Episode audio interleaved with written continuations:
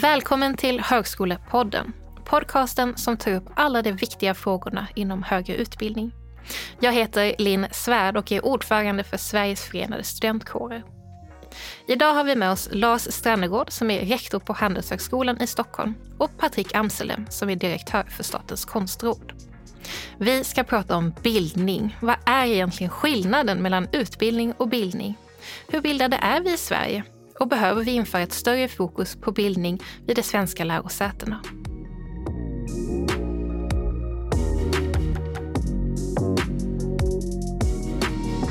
Välkomna!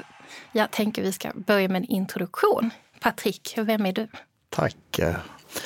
Jag eh, heter Patrik Amselem. Jag är direktör för Statens konstråd.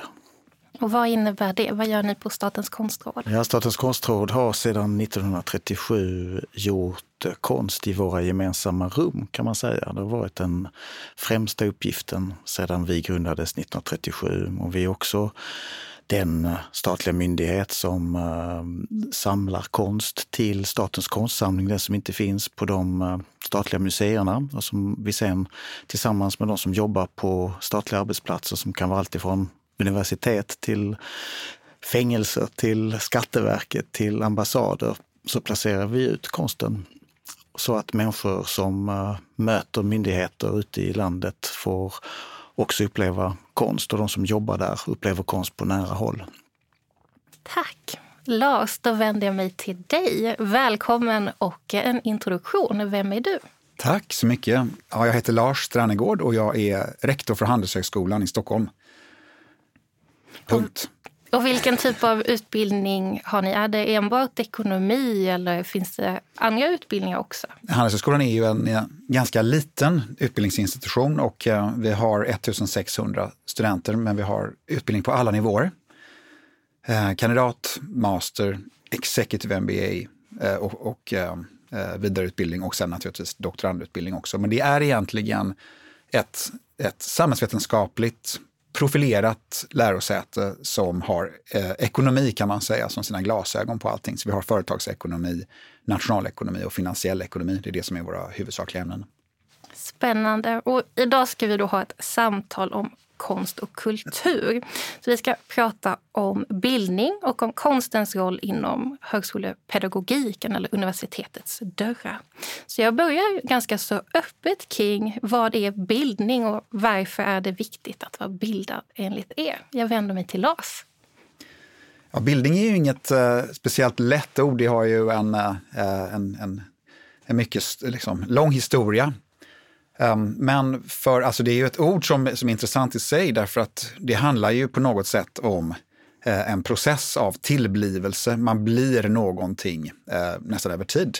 Typ dagg bildas och rost bildas och så. Eh, så att vara bildad är ingenting som jag i alla fall tror på, utan det är liksom ett läge som man befinner sig i. Och eh, jag tycker att det finns en, eh, eh Ellen Key sa en gång ett eh, lite putslustigt nästan citat om vad bildning är för någonting. Men hon sa att det är det som finns kvar efter vi glömt det vi lärt oss. Och eh, då tyckte jag som sagt att det lät lite, lite konstigt först. Men det betyder egentligen att man eh, har ett förhållningssätt till världen. Det är ett sätt att eh, ta in den, det är ett sätt att just förhålla sig till den. Och just det där att man behöver glömma eh, saker för det också. Det betyder egentligen att det finns ingen genväg Um, alltså man, kan inte, man kan inte komma dit utan kunskaper, så man måste lära sig saker um, för att man ska kunna ha ett förhållningssätt till världen. Och det är inte detsamma uh, i min värld som att man kan en hel massa saker. Ibland vissa tycker att det handlar om, om, humanvetenskaperna till exempel. Det tycker jag inte att det behöver vara. Uh, och det handlar uh, också om att eh, eller inte heller om att man ska kunna rabbla upp en massa årtal eller recitera dikter och så. Det är kunskap eller mer som en allmänbildning tycker jag. Men för mig är bildning väldigt tydligt ett förhållningssätt till världen. Hur ser du på det Patrik? Jo, men jag håller med Lars i allt det som, som du säger här Lars. Bildning för mig är inte heller någonting som betonar den enskilde individens kunskap. Det har inte riktigt med det att göra, utan bildning för mig handlar om, om den här större förståelsen av sammanhangen, kulturella, samhälleliga, historiska sammanhang.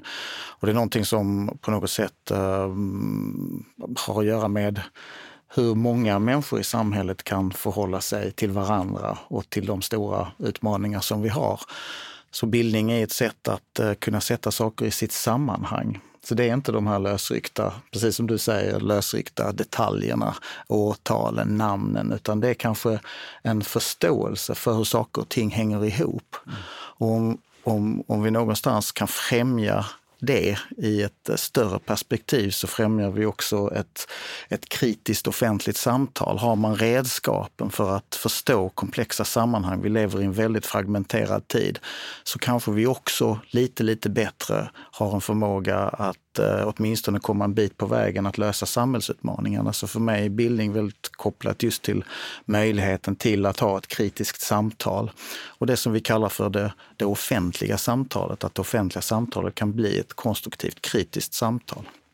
Ja. Då är det ändå viktigt, jag bara säga det precis så håller, vi håller med varandra här, men det är ju verkligen så. Eh, men det är just därför det är så viktigt också att, att att man har de här kunskaperna. Det är inte bara årtalen eh, och de liksom individuella kunskapsdelarna, utan det är det stora sammanhanget. Det är det som egentligen är eh, eh, definitionen, tycker jag, igen då, av bildning, att man då ser de här stora sammanhangen. Jag brukar ofta prata om att vi innanför universitetet eller högskolans väggar får lära oss eller få verktyg och metoder för att ta oss an morgondagen. Det här låter ju nästan som något liknande i att skapa en förståelse. Men på vilket sätt, liksom, var rör sig bildningen vad det gäller universiteten eller det vi lär oss där? Finns det en plats för bildningen? Hur kan vi få in det också? Är det ens önskvärt? Det känns ju både som att vi pratar om liksom individen, hur du upplever saker, hur du kan bearbeta, tolka, men också de här faktiska kunskaperna som ni är inne på. Jag tänker, Lars, om du har några reflektioner om just den här, liksom, kun, ja, lärosätenas roll i att vara kanske den här plattformen för att möta eller bilda. Eh, vi har ju, på Handel så har vi under en tid faktiskt försökt att förflytta oss och bli mer av en bildningsinstitution än en utbildningsinstitution. Och med det menar jag egentligen att det här med utbildning, det är ju liksom nästan lite eh, signifikativt att eh, ordet ut finns med i bildning. Då, det är att man liksom går igenom ett program eller ett antal kurser och sen är man utbildad. Då är man liksom borta ur systemet. Man har fått sina diplom, eh, man har fått sina ECTS och man är klar så att säga. Då är man utbildad. Men, ehm, och den kunskapen är ofta då ganska mätbar egentligen. Men om man då har, som vi försöker göra det, är att ta bort det här prefixet ut och istället säga att det handlar om ett förhållningssätt till världen. Och då har vi fastnat för ett eh, faktiskt just ett bildningscitat, eller en definition till och med, av Ingmar Hedenius från Uppsala som eh, en gång sa att den bildade är den som är fri och levande i relation till det okända. Och eh, det är en rätt poetisk formulering. Men det betyder också att eh, eh ja, världen är minst sagt okänd. Vem kunde förutse eh, pandemin och hur vi hanterade den eller att eh, Putin ska invadera Eh, Ukraina och så. Så att eh, oförutsedd och okänd är precis vad den är. Men är man då fri och levande i den, då har man ett förhållningssätt till, eh, till världen där man känner sig eh, liksom handlingsorienterad. Man vågar saker, man är inte nedslagen till exempel av de stora samhällsutmaningarna eller klimatutmaningarna, så, utan man vill verkligen göra någonting, agera helt enkelt. Och just detta då med fri och levande, då har vi tagit eh, fri, därför att utbildning då och lärande, det är egentligen ett emancipatoriskt projekt. Det handlar om att frigöra människor. Eh, och eh, då har vi låtit den här engelska akronymen FREE bli vårt, vår utbildningsuppdrag, där F står för, för eh, Fact and Science-Based Mindset. Alltså ett, ett väldigt tydligt fokus på kunskaper och plugg egentligen. Och ett vetenskapligt förhållningssätt som blir viktigare och viktigare i vår värld nu av fake news och, och propaganda och eh, åsiktskorridorer och så. Eh, och det är egentligen det som man ändå har sysslat med traditionellt mest på universitet, med fakta och tenterbar kunskap så att säga. Men därutöver så är det R eh, i FREE som står för, för reflekterande och självmedveten. Och att vara reflekterande, det är eh, egentligen vad livslångt lärande de facto handlar om. Att ständigt ompröva modeller, försöka tänka efter. Vem är det som försöker påverka mig? Varifrån kommer mina attityder? Eh, varifrån kommer mina åsikter? Vem är det som försöker påverka mig? Väldigt kopplat då till olika typer av kunskapsanspråk egentligen. Och sen är det första E att stå för empatisk och kulturellt läskunnig. Och det här empatiska, det handlar just om ett förhållningssätt till andra så att det blir liksom, det inte handlar inte bara om individen själv så att säga, utan det är mer av ett sammanhang, en sorts, eh, eh att man är del av en helhet. Och att man då blir, är, eller är man, är man empatisk, har en förmåga att kunna sätta sig in i andra människors situation och se världen ur deras perspektiv. Eh, det är någonting som maskinerna, den artificiella intelligensen, aldrig kommer kunna slå oss, tror jag i alla fall, eh, människor i att vara just empatiska. Och det är en absolut nödvändighet för att vara en, inte bara eh, trevlig och god människa, utan också en skickligare yrkesperson. Man behöver det Eh, i nästan alla typer av yrken som man, som, eh, som man kan tänka sig. Allt ifrån att vara statsminister till att vara eh, revisor eller investmentbankir eller lärare eller journalist eller vad det nu är. Och det går att träna sig till empati. Till exempel är skönlitteratur och konst just ett väldigt bra eh, sätt att träna sin empati. Eh, man kan förflyttas till andra världar, se, se världen ur andra människors perspektiv. Och sen är det sista som står för entreprenöriell och eh, ansvarstagande. Och entreprenöriell i meningen att man agerar, gör någonting och inte, inte accepterar så att säga den rådande ordningen. Så att man behöver inte starta ett eget bolag, men man behöver ha en handlingsorientering. Och det här Free, det är vår utbildningsmission. Den är grundad i det, den definitionen av, av bildning som då Ingmar Hedenius gav. Så för oss på Handels är just detta med Free definitionen av vad en bildad människa karaktäriseras av. Jag tycker det är jättespännande att höra. Jag tänker, Patrik, du har ju också varit inom eh, universitetets världar, både i Sverige men tidigare också i USA. Vad, vad, känner du när du hör det? Jag tänker, du nämnde tidigare också det offentliga rummet. Så här, vilken roll har det för detta? Absolut. Jag blir ju så otroligt inspirerad så jag vill ju söka göra en, en MBA här på Handels. Nej, men det Lars pratar om är ju, är ju allt det som är så centralt i det vi pratar om här idag, bildning och förhållandet till samhället i stort. Och jag tror ju att det tyvärr är så att de flesta lärosäten i Sverige inte har kommit så långt som Handels här, men att ni kanske också har en unik möjlighet att kunna forma och komplettera ja, de olika utbildningarna med de här ingredienserna. Men det betyder ju inte att det inte finns möjligheter för alla lärosäten att på, på något sätt närma sig, eh, närma sig det här idealet som ju, jag tror är ett ideal som väldigt många skulle omfatta. Om Man tänker på på ehm, då museernas roll i det här. Det finns ju inte så många universitetsmuseer i Sverige, men det finns ju desto fler utomlands i den anglosaxiska världen, angloamerikanska världen. Och jag jobbade ju tidigare på ett av Sveriges konstmuseer som var relaterat till ett, är relaterat till ett universitet, Skissernas museum i Lund, som är väl det enda universitetskonstmuseet som har en samling med modern och samtida konst. Där kom vi in på den här möjligheten vad konsten kan erbjuda, att konst och kultur har den där möjligheten att erbjuda andra perspektiv som då kan träna empati och överhuvudtaget många kritiska förmågor. Och eh, att kunna använda kultur i undervisningen, i utbildningen, i bildningen. Jag skulle nästan vilja säga att bildning och utbildning borde vara samma sak. Man ska inte särskilja på det egentligen, utan universitetet borde ju vara den plats där vi någonstans kan erbjuda bildning då väldigt brett. I Sverige så eh, har det väl länge varit så att våra utbildningar har varit ganska smala och väldigt fokuserade.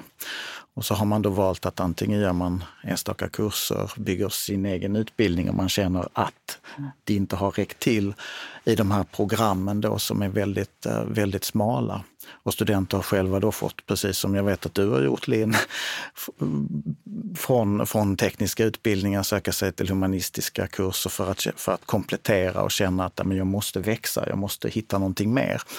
Och det är väldigt lätt tror jag att tänka att det alltid ska vara det där, som du också säger, att det inte bara är humaniora utan det här är ju en växelverkan. Det krävs ju att eh, att eh, studenter och framtida yrkesverksamma som utgår ifrån humanistiska ämnen också har en kännedom till en del i alla fall, om eh, till exempel statistik och tekniska kunskaper som är viktiga för att kunna hantera samhällsutmaningarna idag. Så det här, det är väl det som, man, som, som jag tycker att vi bör tänka på lite oftare, att det är en växelverkan mellan olika discipliner som skapar den här de här redskapen att kunna, att kunna möta den här komplicerade världen som vi lever i.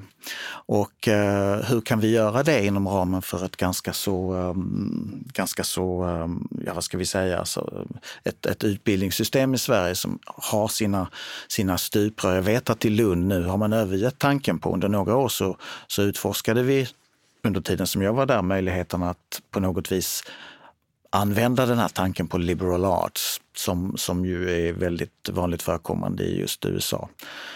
Men man har övergivit det nu för det fungerar inte inom ramen för hur utbildningarna är, är formade. Ja, det kan göra mig liksom, från det nationella perspektivet ganska irriterad när jag möter studenter. För det är ju absolut fler teknologer och naturvetare jag möter som har varit inom humaniora eller samhällsvetenskap. För de kan söka dit. Mm. Trösklarna för en samhällsvetare eller humanist att söka sig till en teknisk så mycket högre. Antagningskraven gör det svårare. Förväntningar. Så jag tror verkligen på det här med att få till kanske mm öppna upp. Mm. Helt enkelt ha fler kortare kurser där du kan lära dig. Och lite som vi var inne på här kring artificiell intelligens, statistik. Såklart att en samhällsvetare har nytta av det. Och mycket av det här kring att vi skapar, eller skapar, men vi bidrar ju till kunskapen och den hela, liksom fulla människan. Det handlar inte bara om eh, kanske de praktiska färdigheterna, teorierna. Även om jag själv var, för jag har också läst nationalekonomi och jag var på en eh, det var en person som talade om då, så kom Ricardo upp och tänkte oh, men det där kan ju jag. Och det är ju viktigt, men så där måste ju fler kunna känna och då är ju till exempel eh, utbildningen en del i det. Sen såklart, det där är ju någonting jag själv skulle kunna ha läst mig till. Eh, sen kanske jag kanske lite för mer formad inom universitetsvärlden. Men absolut få till enklare vägar att kunna studera. Och här tror jag också att mycket handlar om ledarskapet mm. hos liksom, ledningen, vilket vi också ser på Handelshögskolan i Stockholm. Att det är väldigt tydligt från din sida, Lars, att så här, det här är viktigt. Eh, hur, hur med, liksom, vad blir responsen? Vad tycker studenterna om det här? Eller näringslivet, de som liksom, studenterna senare kommer ut till? När vi, anledningen till att vi gör eh, den här satsningen, den är ju eh, den är helt efterfrågedriven eh, faktiskt, därför att vi har ju en, eh, en finansieringsmodell där, där eh, eh, företag sponsrar oss i väldigt hög utsträckning. De är partners till oss helt enkelt och vill vara, hjälpa till helt enkelt. Vi har över 100 företagspartners och mitt jobb är ju att tala med dem och försöka eh, förstå hur deras kompetensbehov ser ut. Helt enkelt, vad behöver studenterna kunna? Och då säger de saker som att de behöver vara faktabaserade. De måste kunna eh, veta exakt vad som händer eh, eh, när en utbud och efterfrågekurva möts och hur en resultaträkning förhåller sig till en balansräkning och så. Men eh, de behöver också vara då, ha, förståelse för, för sammanhang i mycket hög utsträckning, förstå hur kultur och värderingar um, påverkar hur organisationer fungerar till exempel. De måste vara goda kommunikatörer. Eh, och de måste helt enkelt ha, ha, de får inte vara för fyrkantiga. Utan de måste helt enkelt ha skygglappar som är något vidgade. Eh, så att det vi har gjort hos oss med den här bildningsorienterade, den är, liksom, eh, den är helt efterfrågestyrd skulle man faktiskt kunna säga. Så det är ingenting som jag bara hittar på för att jag tycker att det här är intressant eller vi i ledningen tycker det. Utan eh, vi gör bedömningen att eh, detta, detta är vad Eh, vi gör, vi gör våra studenter en tjänst därför att när de kommer ut och besitter den här typen av kunskaper och kompetenser, då kommer de att kunna fatta, eh, eller de kommer kunna ha större valmöjligheter. Antingen om de vill gå in i en entreprenöriell verksamhet eller arbeta i offentlig förvaltning eller politik. Eller eh, gå in i företagsvärlden. Så att vi tycker att utbildningen blir bättre och ger fler valmöjligheter när man har bildningssyn mer än just utbildningssyn.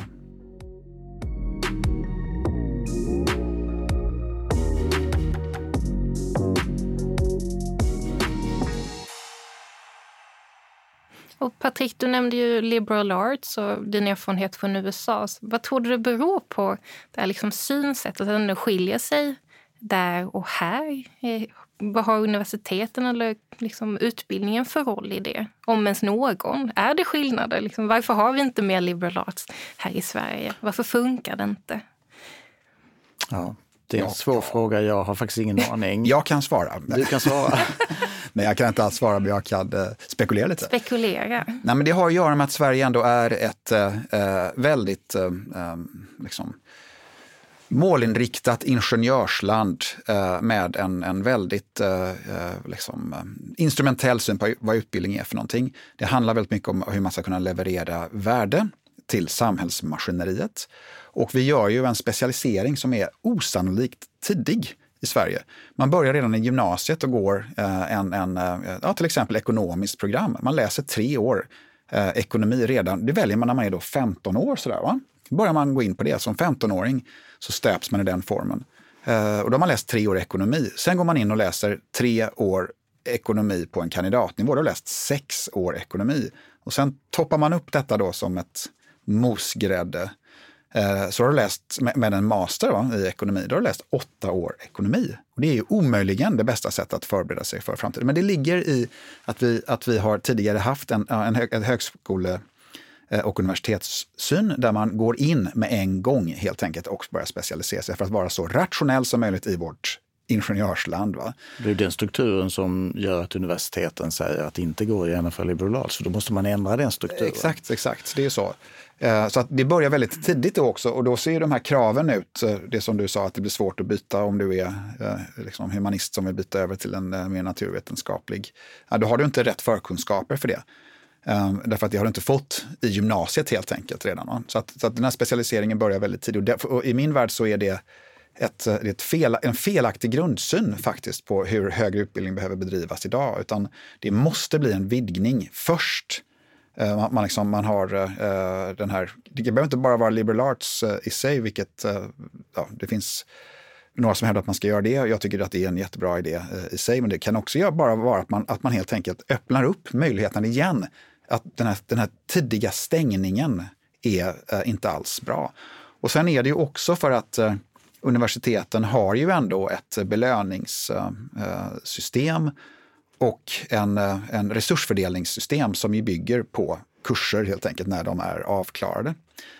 Eh, och dessutom så finns det en, en eh, liksom, skojig, eller skämt nästan, eh, som är att, the, att the world has problems and universities have departments. Så det är liksom, det säger lite grann ändå då hur man, hur man då delar upp eller liksom skivar upp kunskap. Och det är eh, naturligtvis inte det allra, det allra bästa. Det går ju liksom helt emot hela idén om bildning som, som, som de facto handlar om att vidga en syn på världen. Samtidigt så uppmanar ju universiteten till samverkan och stimulerar ju då med eh, stora paket ekonomiskt om olika delar av universiteten vill gå in och göra projekt. Ju fler delar av universitetet som går in, desto större belöning.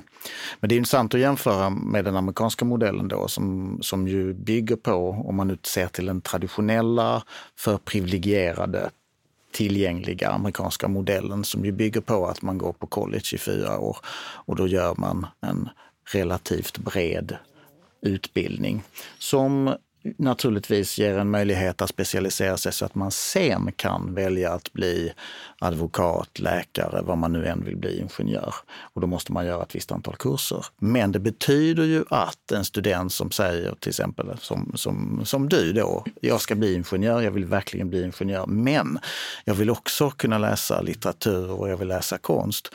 Och det finns inget som hindrar att, att, att du tar en double major. Eh, du, du tar dina ämnen som du måste för att gå vidare, men så gör du också en väldigt avancerad, till och med, det blir som att skriva en 60 poängsuppsats motsvarande kanske i ett av de andra ämnena, vilket betyder att du har med dig det bagaget.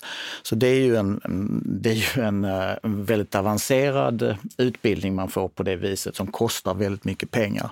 Men det som är intressant tycker jag när man tittar på USA, det är ju också att alla de stora universiteten som ju har otroliga resurser, ju erbjuder väldigt många studenter utan, som inte har de ekonomiska möjligheterna egentligen, att studera vid de universiteten. Så är man en duktig student så kan man få plats på de här utan att ha pengarna. Och det är fantastiskt att se att den möjligheten finns.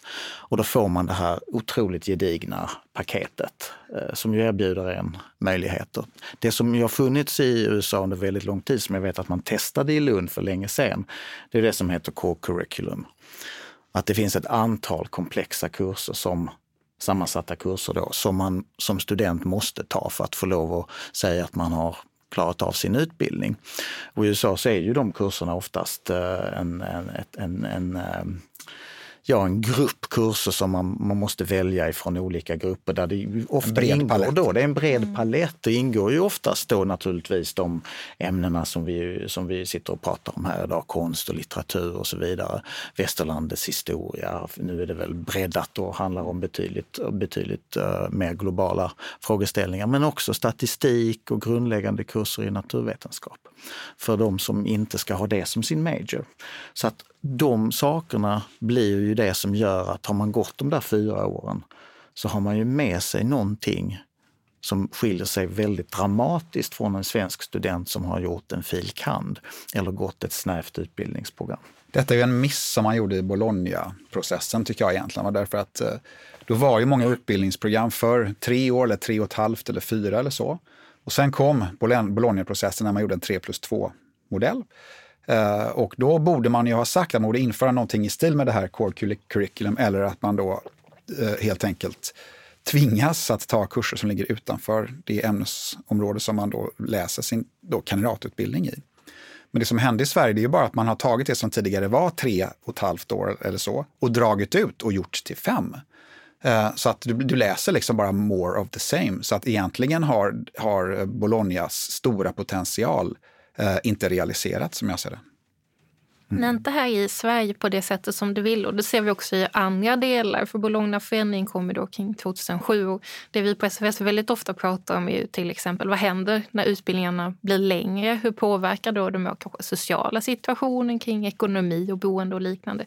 Men såklart också kunskapen. Och förvisso kan du då som civilingenjör läsa Eh, de tre första då du får de basala kunskaperna och sen bygga vidare och välja lite mer.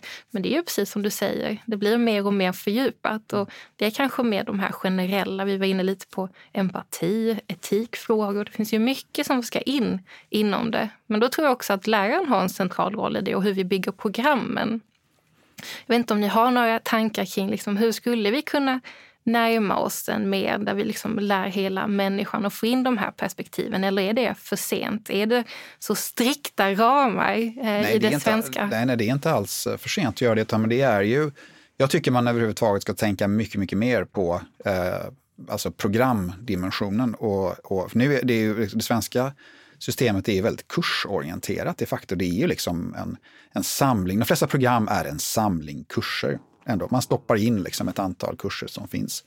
Och hela idén om eh, programledning, att man då kan införa eh, eh ja, inslag av, av eh, vägledande moment, kortare inslag, eh, att man ser ett program egentligen som en sorts resa egentligen och att programansvariga kan vara mycket mer av någon sorts lärande reseledare så att säga. Det finns inte alls på det sättet som det borde göra, utan här är det bara, nu ska du, så sitter man och plockar ihop sina kurser och de är rätt frånkopplade eh, ifrån varandra. Så jag tror att det finns en, en större, stor potential i att tänka program mer än att tänka kurser. Jag tycker inte man kanske behöver eh, ge sig på kurser så jättemycket faktiskt, därför att eh, de är ofta vetenskapligt baserade. Eh, duktiga eh, forskare eh, driver kurser, är ju tanken. Och, att, att, och det ska vara deras kärnämnen, men det är liksom just det här mellanrummet så att säga som programledningen eh, kan bidra med så mycket. Så att ju mer man tänker program, desto större sannolikhet att man kan eh, vidga ens, eh, ens syn på världen. Då skulle jag vilja kroka arm och gå vidare och prata lite högskolepedagogik. För nu nämnde du ju forskarna och de som undervisar. Och för dig verkar det vara uppenbart att de som undervisar ska vara vetenskapligt förankrade här och nu och forska. Men det vi möter är ju vissa utbildningar eller kurser som då har väldigt få antal lärarledda möten. Vissa ligger bara på fyra timmar per vecka en studievecka där vi kan anta liksom 40 timmar. Men hur, hur tror ni vi kan höja högskolepedagogiken? Hur kan vi få in liksom mer möten? Kanske vidga det också, se till att det är den här vetenskapliga förankringen. Vill Patrik börja? Vad är dina tankar om högskolepedagogiken och tiden, resurserna för lärarna att möta studenterna, det, mediumen? Det här är ju en intressant fråga också i förhållande till, eh, till lärarnas eh, karriärsvägar. Jag vet ju att man i USA har börjat med eh, tenured tenure tracks, alltså de som får en fast anställning som inte kan bli avskedade, som också bygger på undervisning. För i vanliga fall så är det ju publiceringar som gäller. Man ska publicera. Då får man tenure på ett amerikanskt universitet. Men med en tenure track som bygger på att du dedikerar ditt liv till undervisningen. Naturligtvis så har du din, eh, du har ju din utbildning, du har skrivit din avhandling, du är en duktig forskare, men du väljer att fokusera på, på, eh, på, på mötet med studenter. För att det är det mötet med studenter som, kan, som verkligen betyder någonting för eh, för eh, utbildningarnas kvalitet, tror jag. Det ska vara bra, duktiga lärare, men du måste ha en lärare som är närvarande och som är engagerad och, och som kan inspirera när man pratar med, man tänker på sin egen, sin egen studietid och pratar med andra som berättar om, ja, då är det ju ofta minnet av den där läraren. Mm. Tänk att jag fick lov att studera. Jag har själv ett sånt minne från eh, mitt eh, amerikanska, min tid på mitt amerikanska universitet, att jag fick lov att studera med den där fantastiska, otroligt kända eh, konsthistorikern och sitta i seminarierummet med henne och känna det där att jag skulle aldrig våga att inte göra mitt allra, allra, allra bästa i det här rummet. Jag skulle inte vilja göra henne besviken. Mm. Den där känslan av att vara sporrad, sporrad att tänka, att skapa för att man sitter med en person som är en inspirerande tänkare och är en inspirerande lärare. Så det där mötet är otroligt viktigt och att då ha utbildningar med väldigt lite lärartid som bygger på självstudier, det är inte det är ju inte så vi, vi skapar det där, de där förutsättningarna för det kritiska samtalet. De där förutsättningarna som vi pratade om i början här, där bildningen, där bildningen är det som står i centrum för undervisningen. I Lund så försökte vi börja jobba med, eh, bara för att få in det perspektivet, och det vet jag att ni jobbar med på Handelshögskolan, att jobba med konsten på ett väldigt konkret sätt. Att kunna jobba med konsten och utgå ifrån möten med konst i ett, som ett led i utbildningen. Och det är inte bara för konstvetare naturligtvis, utan då för alla, att alla, alla olika discipliner kan i mötet med kulturen, med litteraturen, med konsten, med musiken få ut någonting som, som, som ger det där mm. som vi pratar om som kan bidra till den här större förståelsen för hur världen ser ut, för hur den här komplexa sammansatta världen som vi lever i ser ut. Och det skulle vi kunna utveckla ännu mer. Ja, definitivt. Det känns ju som att fler sinnen öppnas. Vi kanske får hjälp att tolka. Eh, Lars, hur ser det ut för er? Var, hur, kan ni liksom, hur, hur funkar det ens med högskolepedagogik? Går det att meritera det lika enkelt som forskningen där eh, enkelt kan kolla på en siffra och se som Patrik sa här kring hur många citeringar, publikationer. Går det att göra någonting liknande för det pedagogiska? Det är ju svårt att göra det, absolut. Och jag, det, alltså det här uh, tenure-systemet med, som är baserat på, uh, på undervisning, som Patrik tar upp, är väldigt intressant. Eh, samtidigt så är det den här konsthistoriken som du eh, blir förtrollad av, eh, har ju blivit så, en så förtrollande lärare också på grund av sin kunskap i sig och sin forskningskompetens. Att det är ju så att en rikt, i grunden är den i, i universitetsutbildning så tror jag ändå att man måste, eller det i alla fall, det visar sig nästan alltid att är man riktigt, riktigt duktig, är man riktigt insatt i sitt ämne, Eh, så, är, så, så är det inte osannolikt att man är en väldigt bra lärare faktiskt också. Men igen då, så jag tror att man måste vara det. Om man släpper den idén så är man på lite av ett gungfly. Eh, däremot så tror jag att man kan ha den här just processledardelen som eh, det här med programansvar. Det, det, det, behöver man inte kanske ha samma vetenskapliga meritering för att faktiskt kunna klara av eh, och, göra, och kanske göra ännu bättre då. Eh, och, och, hjälpa någon och ledsaga någon genom, en utbildnings, genom ett utbildningsprogram. Det är jättesvårt att mäta detta, det är svårt att göra det rättvist. Ehm, det är det absolut. Men jag tror ändå att det går att, att öka öka, eh, meriteringsvärdet av bra pedagogik. Det är ju liksom en ledningsfråga de facto. Och eh, man, man kan ju ha det i sina utvärderingskriterier, eh, vilket vi har nu väldigt tydligt också. att man, Det är liksom, det är research, det är teaching och det är då citizenship som det kallas hos oss som är detsamma i, i ja, nästan överallt. Och även om det är, det är lättare att, eh, att mäta forskningen, det är ju så enkelt. Det är liksom ett knapptryck bort och så vet man hur, hur, hur vilken, vilken eh, påverkan eller vilken, eh, vilken eh, citeringsgrad och så som, som forskaren har. Det är mycket svårare att göra det i, i det pedagogiska.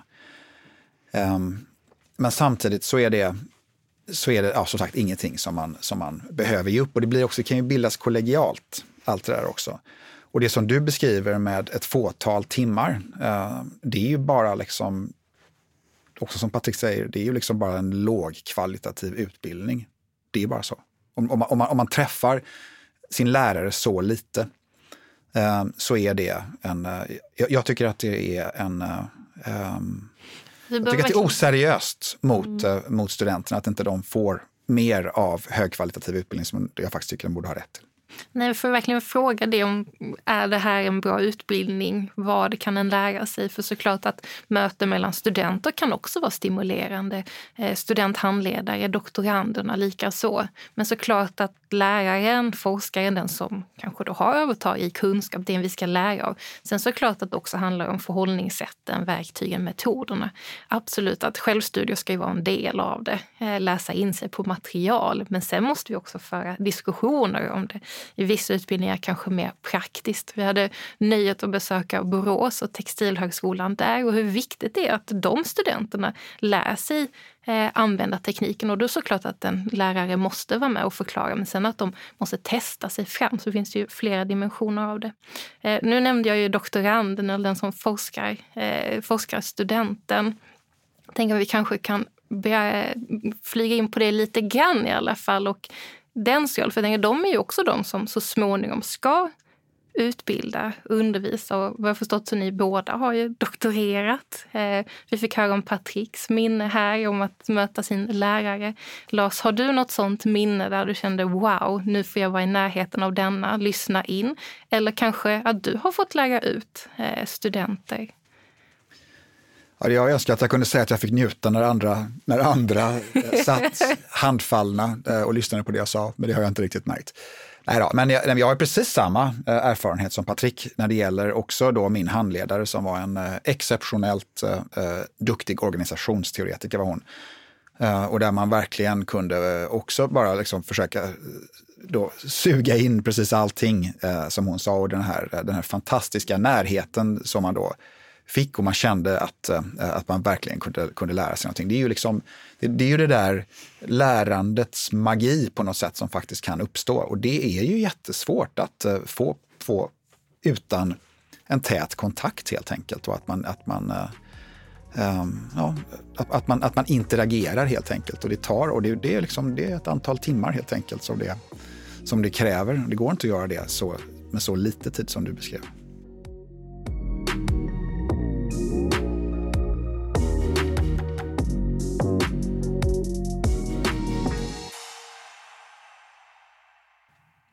Avslutningsvis, Patrik, vi har ju tidigare i den här podden haft med oss rektorer, men vi har inte haft med oss eh, Statens konstråd. Och jag är ju nyfiken, den offentliga konsten, vilken roll har den och hur ser du på det uppdraget som ni har, framförallt när vi tittar på universitetsmiljöerna? Mm. Men den offentliga konsten är ju till skillnad från eh, den konst som vi träffar på gallerier och museer, en konst som alla på något vis kan möta i sin vardag. Vi behöver inte välja att uppsöka en plats eh, på vissa tider utan den offentliga konsten den, den möter oss när som helst egentligen, dygnet runt i olika delar av samhället. I Sverige så finns det konst i våra gemensamma rum på de flesta platser. Någonstans så ser jag vårt uppdrag idag också som ett uppdrag att, eh, att eh, stimulera till samtal om det som vi möter i de gemensamma rummen, bland annat konsten. Det viktiga idag tror jag handlar väldigt mycket om att eh, få fler människor att känna att det här är också min värld.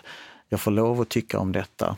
Jag behöver inte vara rädd för att, eh, för att närma mig konsten. Ofta kan, kan man, eh, får man höra att ja, men konsten den är inte för mig, jag hör inte hemma i den världen. Det handlar ju i de allra flesta fall inte om ett ointresse utan snarare om ett slags utanförskap.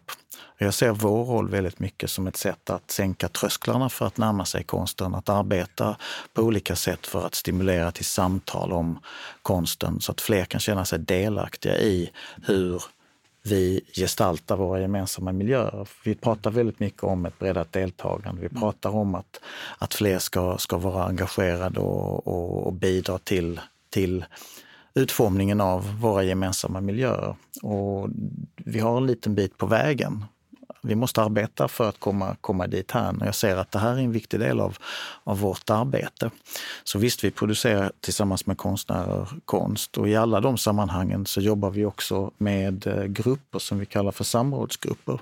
Det vill säga vi jobbar med människor som arbetar på den platsen där konsten kommer att finnas. Och i de samtalen som äger rum då mellan mellan olika yrkeskategorier, mellan de som jobbar på Konstrådet som, som leder de här processerna och inte minst med konstnärerna senare. Det händer grejer i de samtalen. Det skapas, en, det skapas nya typer av förståelse för, för sammanhanget, vad som, vad som kan hända i mötet mellan människor och konsten i de sammanhangen. De processerna är otroligt viktiga. Vi lägger väldigt mycket energi på att, eh, att eh, de processerna ska bli fördjupade processer av delaktighet. Så det är olika aspekter på, på den offentliga konsten som ju kanske inte har att göra direkt med vad det är som vi ser ute i rummet utan just på det som ligger bakom istället. Har du något eh, konkret exempel som du känner har varit lyckad i en eh, universitetsmiljö eller så? Just det, universiteten, det är intressant att se att um, att universiteten är de platser som ligger i topp på eh, den lista som vi har över myndigheter som ansöker om det vi kallar för konstkollektioner, det vill säga att jobba med, med konst eh, som placeras ut på olika delar av universitetet. Det är våra universitet och högskolor som toppar den listan. De vill ha konst ute på universitetet. Och nu pratar vi inte om den här byggnadsanknutna konsten som en, en, till exempel en skulptur, utan vi pratar om, om konstverk som, som integreras i, i miljön på olika ställen på ett universitet. Och i stor utsträckning handlar detta om att man vill skapa, är jag övertygad om, en miljö där någonting tillför ett annat perspektiv. Det handlar inte i, i första hand, tror jag, om en slags försköning av, av universitetets lokaler, utan det handlar just om någonting som kan stimulera till samtal. Universitet som till exempel eh, Linnéuniversitetet har gjort jättefina små filmer om sina verk som Konstrådet har, har då arbetat med universitetet för att placera ut. Och där får man en känsla precis för hur, hur konsten kan bli en väldigt naturlig del av en utbildningsmiljö. Att det är en självklar del egentligen av en utbildningsmiljö. Och sen har vi då den, det som vi kallar för den byggnadsanknutna konsten, det som blir permanenta mer eller mindre konstverk i universitetsmiljö. Här jobbar vi väldigt nära Akademiska hus. Vi har ett samarbetsavtal med Akademiska hus, vilket betyder att vi gör en lång rad projekt med Akademiska hus varje år på universitets och högskoleområden. Och, och, även här så, så spelar ju den konsten som, som väljs som vi väljer att göra tillsammans med universitetet en stor roll för det här mötet. I de här samrådsgrupperna så händer det saker och ting. Och det kan vara så att samrådsgruppen väljer ett, kan välja ett betydligt mer dramatiskt alternativ än vad kanske Konstrådets medarbetare skulle våga välja.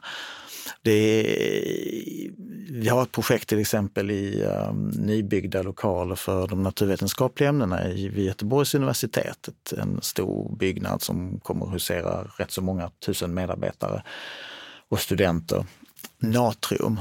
Och här har man då valt att jobba med en konstnär som heter Hanna Ljung som arbetar med, eh, i, i det här fallet med, um, ni kan tänka er stora vitriner och i de här vitrinerna så finns det grundämnen och mineraler. Och i varje vitrin så finns det till exempel då, om vi nu säger guld, jag vet inte hur mycket guld som finns i människokroppen, men det finns lite guld i människokroppen. Och så har hon räknat ut då hur mycket guld finns det i alla som säger att det är 1500 personer som kommer att arbeta och studera i det här huset på daglig basis. Och den mängden guld finns det i vitrinen. Sen har hon en gigantisk saltkristall som då motsvarar då tyngden dessa många, många kilo salt som finns hos alla de här människokropparna. Och så skapar hon en stor vitrin, en miljö där det här saltet då, som man gjorde när man var barn kommer på en tråd att vandra långsamt över från ena sidan av vitrinen till den andra. Så det finns en rörelse, den här bildningen som du pratade om i början som är en rörelse, en pågående rörelse. Bara ett exempel på hur konsten som kan finnas i på ett universitet kan samspela med det som händer, tillföra andra perspektiv, vara lekfull, kanske öppna upp för mm. nya sätt att tänka på sina ämnen. Superintressant, verkligen. Jag får säga stort tack för det här samtalet och hoppas att eh, konsten och bildningen ska fortsätta få diskuteras och hur vi tolkar och hur det kan få komma in i fler utbildningar. Tack för att vi fick komma. Tack Linn, jättespännande. Tack.